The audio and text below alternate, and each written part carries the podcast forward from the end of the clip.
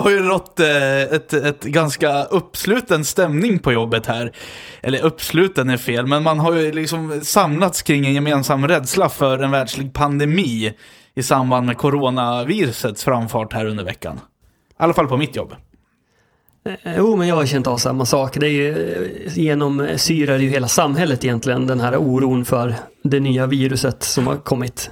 Ansiktsmasker börjar plockas fram på busstationer, man eh, tar inte på varandra, pengar undviker man. Kroppskontakt, det är obehagligt. På sedvanligt svensk maner. Man håller sig helst hemma på kvällarna. Usch, man dricker i lönndom bakom stängda dörrar. Men just det här med att det heter coronaviruset. Ja, det är ju lite festligt måste jag säga. Vad, Man- vad, vad tror du att eh, ölen Corona eh, tycker om den här utvecklingen? Är det bra eller dålig marknadsföring? Ja, det kan man ju faktiskt fundera lite. All marknadsföring är bra marknadsföring. Ja, men om jag frågar dig så här. Eh, Skulle du gå och köpa en Corona? Är det det liksom det första du tänker på nu när du går ner på krogen liksom ska köpa en Eh, öl? Nej, det- men det kan ju å andra sidan vara en bra ingång om man säger, ja men titta här har jag köpt en liten coronaöl här. Eh, har ni hört talas om det här coronaviruset? Om man vill liksom slå in det ämnet i, i konversationen. Sant. Men tänk om det fanns en öl som hette AIDS. Ja, det hade inte varit lika smittrande, smittrande, smittande. Ja, nej förvisso. Jag tror, jag tror att de är ganska oroliga där på marknadsföringsavdelningen på Corona. Ja, tror de har nödmöten och så, krismöten, hur de ska spinna det här. Om Byta namn. Byta namn, ja till exempel. Eh, De kanske byter lokal, de flyttar hela bryggeriet. Jag har fått för mig att den är från Spanien eller är det mexikanskt det där? Ja, det är en latinobärs. Latino, ja. Det ska drickas under, i varma förhållanden i alla fall. Gärna med en liten citron, har jag förstått. Ja, den är väldigt god, det, är den. Men då kan vi gå tillbaka till den här eh, skräckblandade förtjusningen för eh, pandemier överlag. Precis, ja, på tal om corona så pratar vi om pandemier nu. Och eh, ja, ska vi, en pandemi är ju då en sjukdom som härjar över hela planeten mer eller mindre. Och pandemier är ofta virus men det behöver inte vara virus. Eh, jag ska, kan ge några exempel på, på vad, vad det kan vara. Ja, eh, kommer du göra en sån här historiebeskrivning nu? Jag tänkte ge en, en kort historiebeskrivning över pandemier. Ja, helst i punktform. Jag blir så glad över saker i punktform. Jo, men då kör vi. Eh, Då har vi alltså eh, en av de första pandemierna som kom och drog över världen. Det var den Justinianska pesten. Det var alltså på 500-talet och den härjade då i Bysan, Bysantinska riket. Det är alltså Istanbul va? Östrom. Exakt. Och det var väl en, en hel del folk som, som dog av den då. Den första pandemin. Alltså vad, vad var, vad, var det pest eller? Vad, vad, vad var det? Var det förkylning? Det var en typ av pest. En pest. Pest är lite en egen eh, typ av sjukdom. Det finns olika typer av pester. Mm. Men vi går vidare, då, då fanns det den mer kända digerdöden på 1300-talet. Ja men det är ju sarfoten, sar, sarfoten, jag tänkte säga farsotens farsot. Mm. Där är det också pest igen. Och det ska vi väl också säga, pandemi, alltså det är ett nytt ord för farsot. Ah, okej. Men jag tyckte ju om farsot. Jag tycker också det är ett fint ord. Det är grandiöst på något sätt. Det borde vi behålla egentligen. Men Mm. pan- ja. Återigen att ta upp på listan på saker som ska genomföras när vi får världsherravälde. Eh, Vi går vidare eh, och, då kommer man in liksom på 1900-talet här. Det tog ett tag, 1300-tal och sen blir det 1900-tal innan det kommer en ny pandemi. Oj! Och då var det den också välkända spanska sjukan 1918 till 21 då. Mm. Och den var ju, den var ju hård, den var stark. Eh, 35 000 svenskar som dog av den. Det var ganska många. Men eh, 50 till 100 miljoner i hela världen.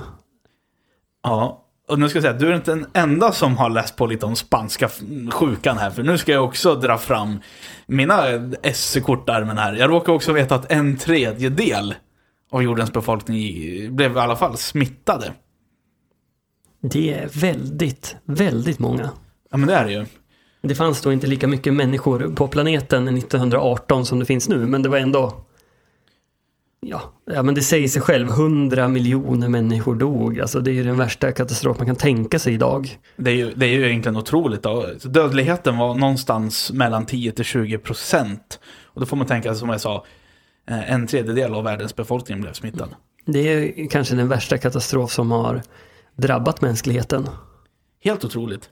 Eh, Kan vi gå vidare på den här roliga, eller roliga listan? Den är skrämmande.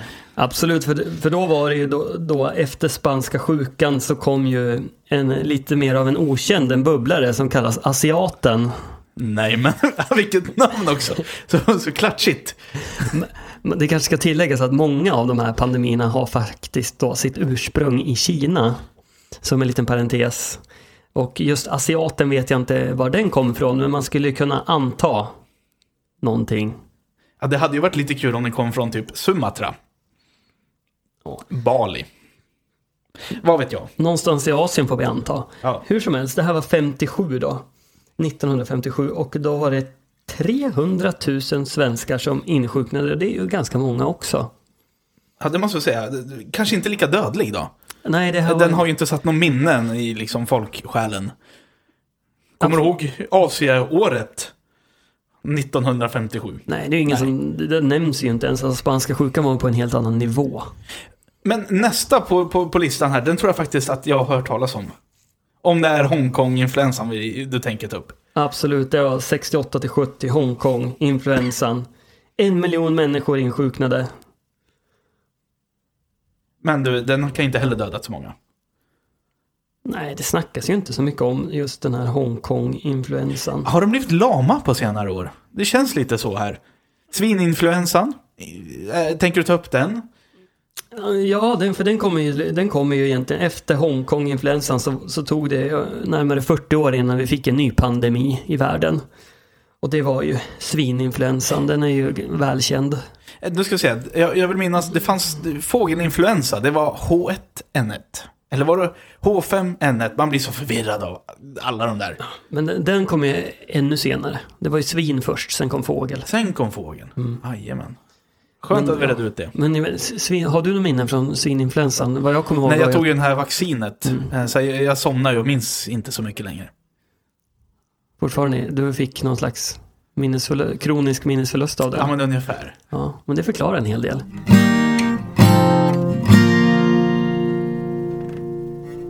Det var ju många som fick alltså bestående men efter den där sprutan de tog. Ja, Alltså vaccinet. Ga, gjorde ju människor sjuka. du, ap- eh, apropå det. Jag tog ju eh, årets influensavaccin.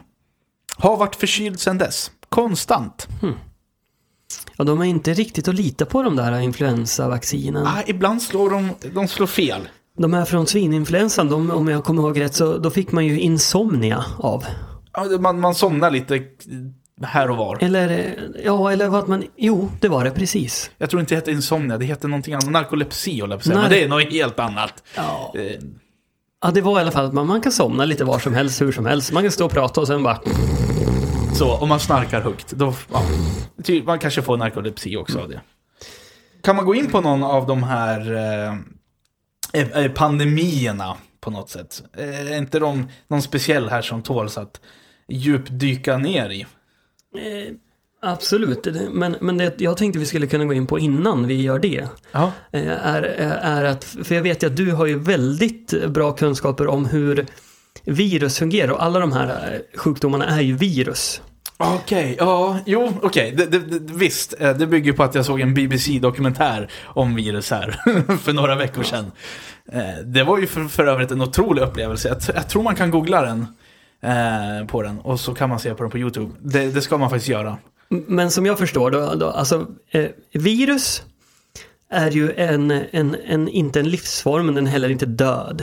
Utan viruset är eh, en slags nästan parasit som är beroende av cell, cellerna i, i liksom levande organismer. Ja, men det stämmer jättebra. Det är nästan en mekanisk varelse.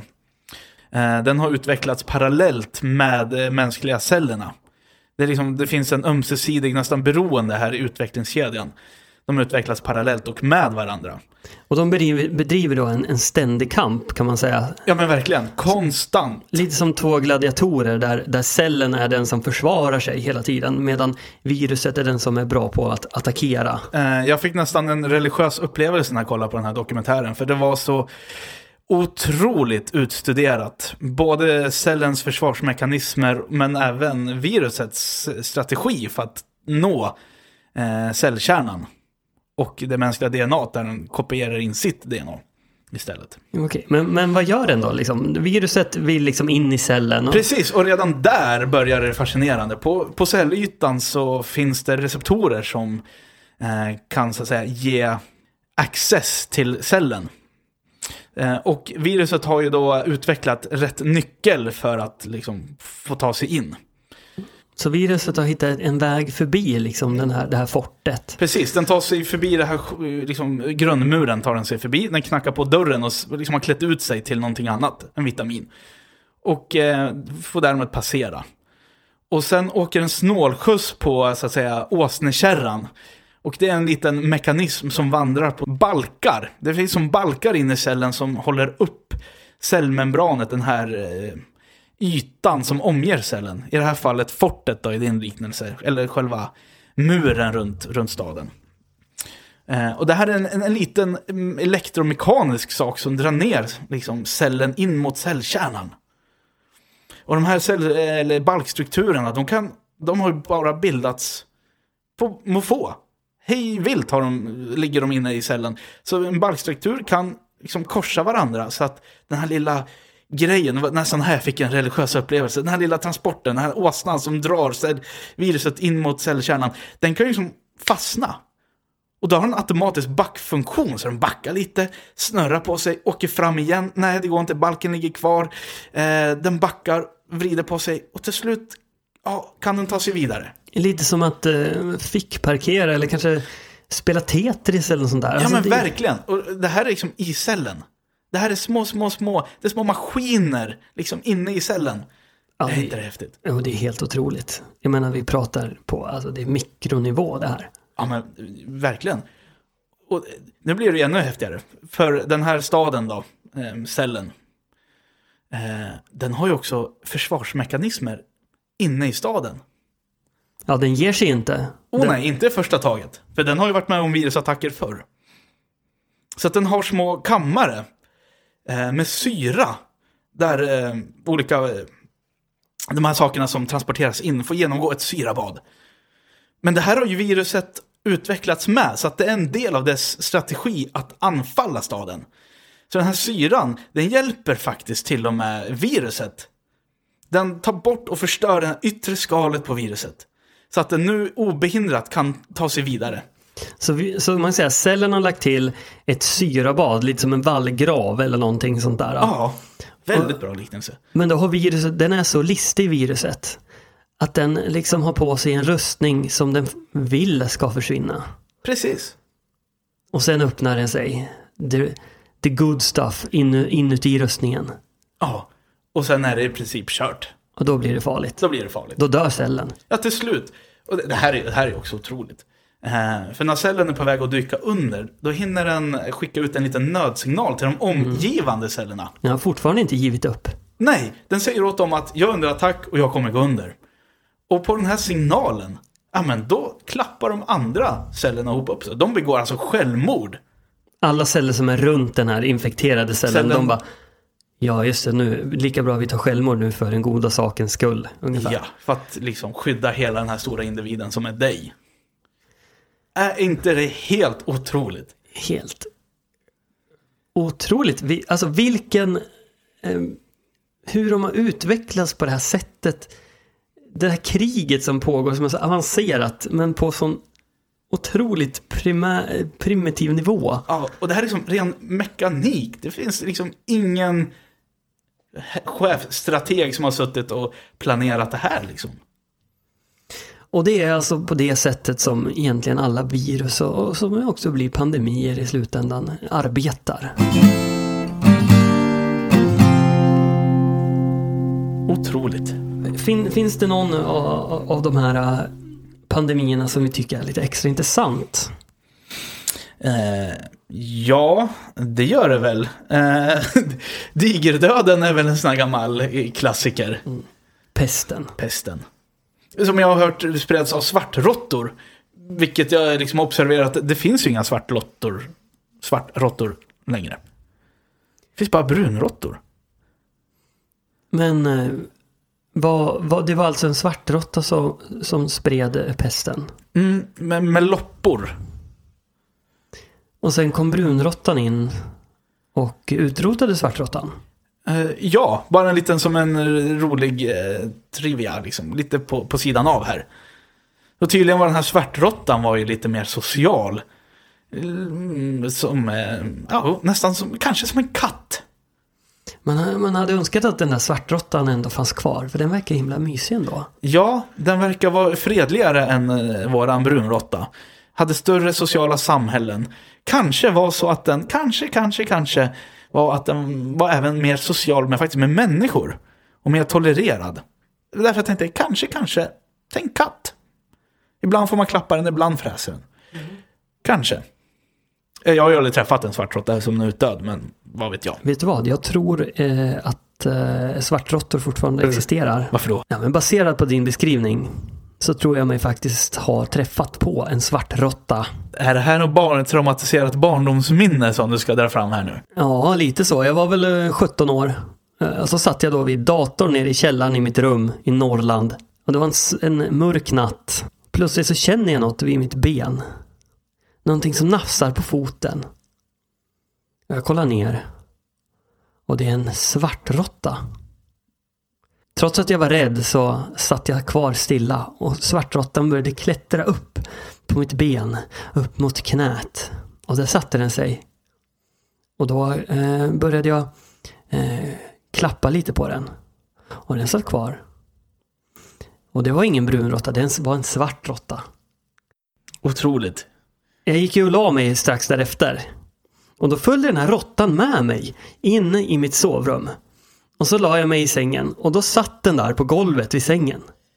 Och väntade. Och så här i efterhand, ja, det var... Ja, det, lå- det låter ganska väldigt... obehagligt. Ja, men det låter mycket märkligt. det här Tidelag är förbjudet, det vet du.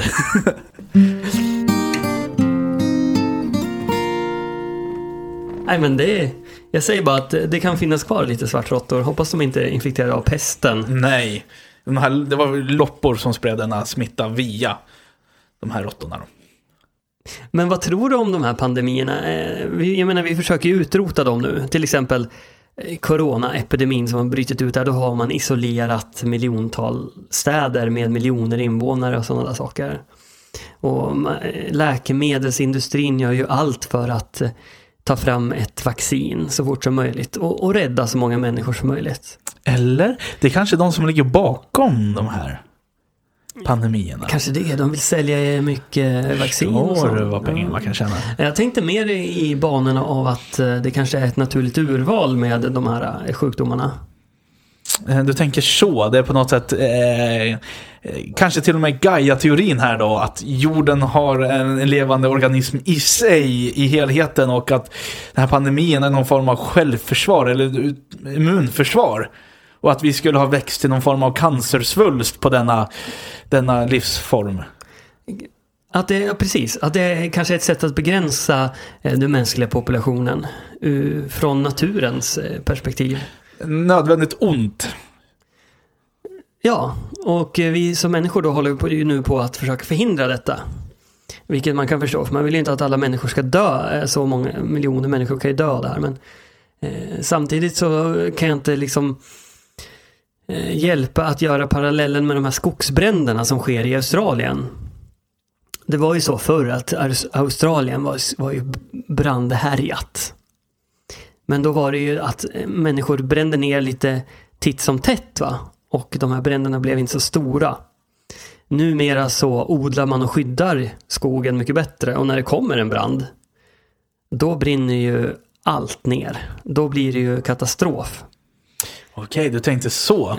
Eh, då, På samma sätt menar jag så skulle det kunna vara så att om vi räddar alla människor från pandemier så kommer vi bygga in en svaghet mot sjukdomar i det mänskliga genomet. Oj! ja, det där var ju friskt vågat sagt. Eh, då, jag har ju själv glasögon. Eh, jag är ju helt jäkla blind. Jag hade ju aldrig klarat mig, om jag tänker att jag var bonde på 1700-talet. Alltså jag hade ju tagit fel verktyg liksom. Jag hade spänt för åsnan istället för hästen. Jag hade, ju, jag hade ju inte kunnat göra någonting. Och hade jag levt på stenålderstiden eller folkvandringstiden, något sånt, nu alltså 500-talet. Eh, jag hade ju inte haft en chans. Nej, det, det, är sant och jag hade ju också varit förmodligen död för länge sedan. Jag hade ju hjärnhinneinflammation när jag var liten till exempel. Det, det överlever man ju inte från om man inte får liksom adekvat medicin. Men... Eh, det är ingen fara, jag tar inte illa upp. Jag är ju lite misantrop själv. Jag hyser ju agg och förakt mot mänskliga släktet. Jag, jag, säger bara... Bort med allt. Rent hypotetiskt så, hade vi inte uppfunnit glasögonen, då hade ju alla människor idag haft bra syn. Eller hur? ja, om du lägger upp på det sättet. Um, ja, jag går och ställer mig här borta i hörnet tror jag. jag, jag, vill, ja, jag, jag, vet inte hur jag ska ta, tackla det här. nu känner jag mig dålig.